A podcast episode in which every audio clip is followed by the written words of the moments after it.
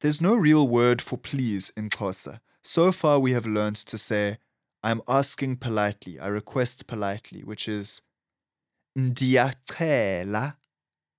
But there is a construct which can be used, which is khawu, followed by the verb that you want done, but you change the a on the end of the verb to an e, which is the letter e. So, for instance, please go. Khawu hambe. Instead of hamba, hambe. Khawu hambe. Please listen. Khawumamele. Please talk English.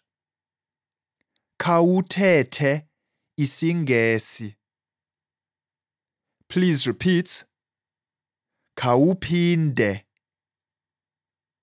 Please note that it is a pure coincidence that the verb for hurry or go quickly is khawuleza. If you really wanted to be polite when asking someone to hurry up, you would say khawukhawuleze.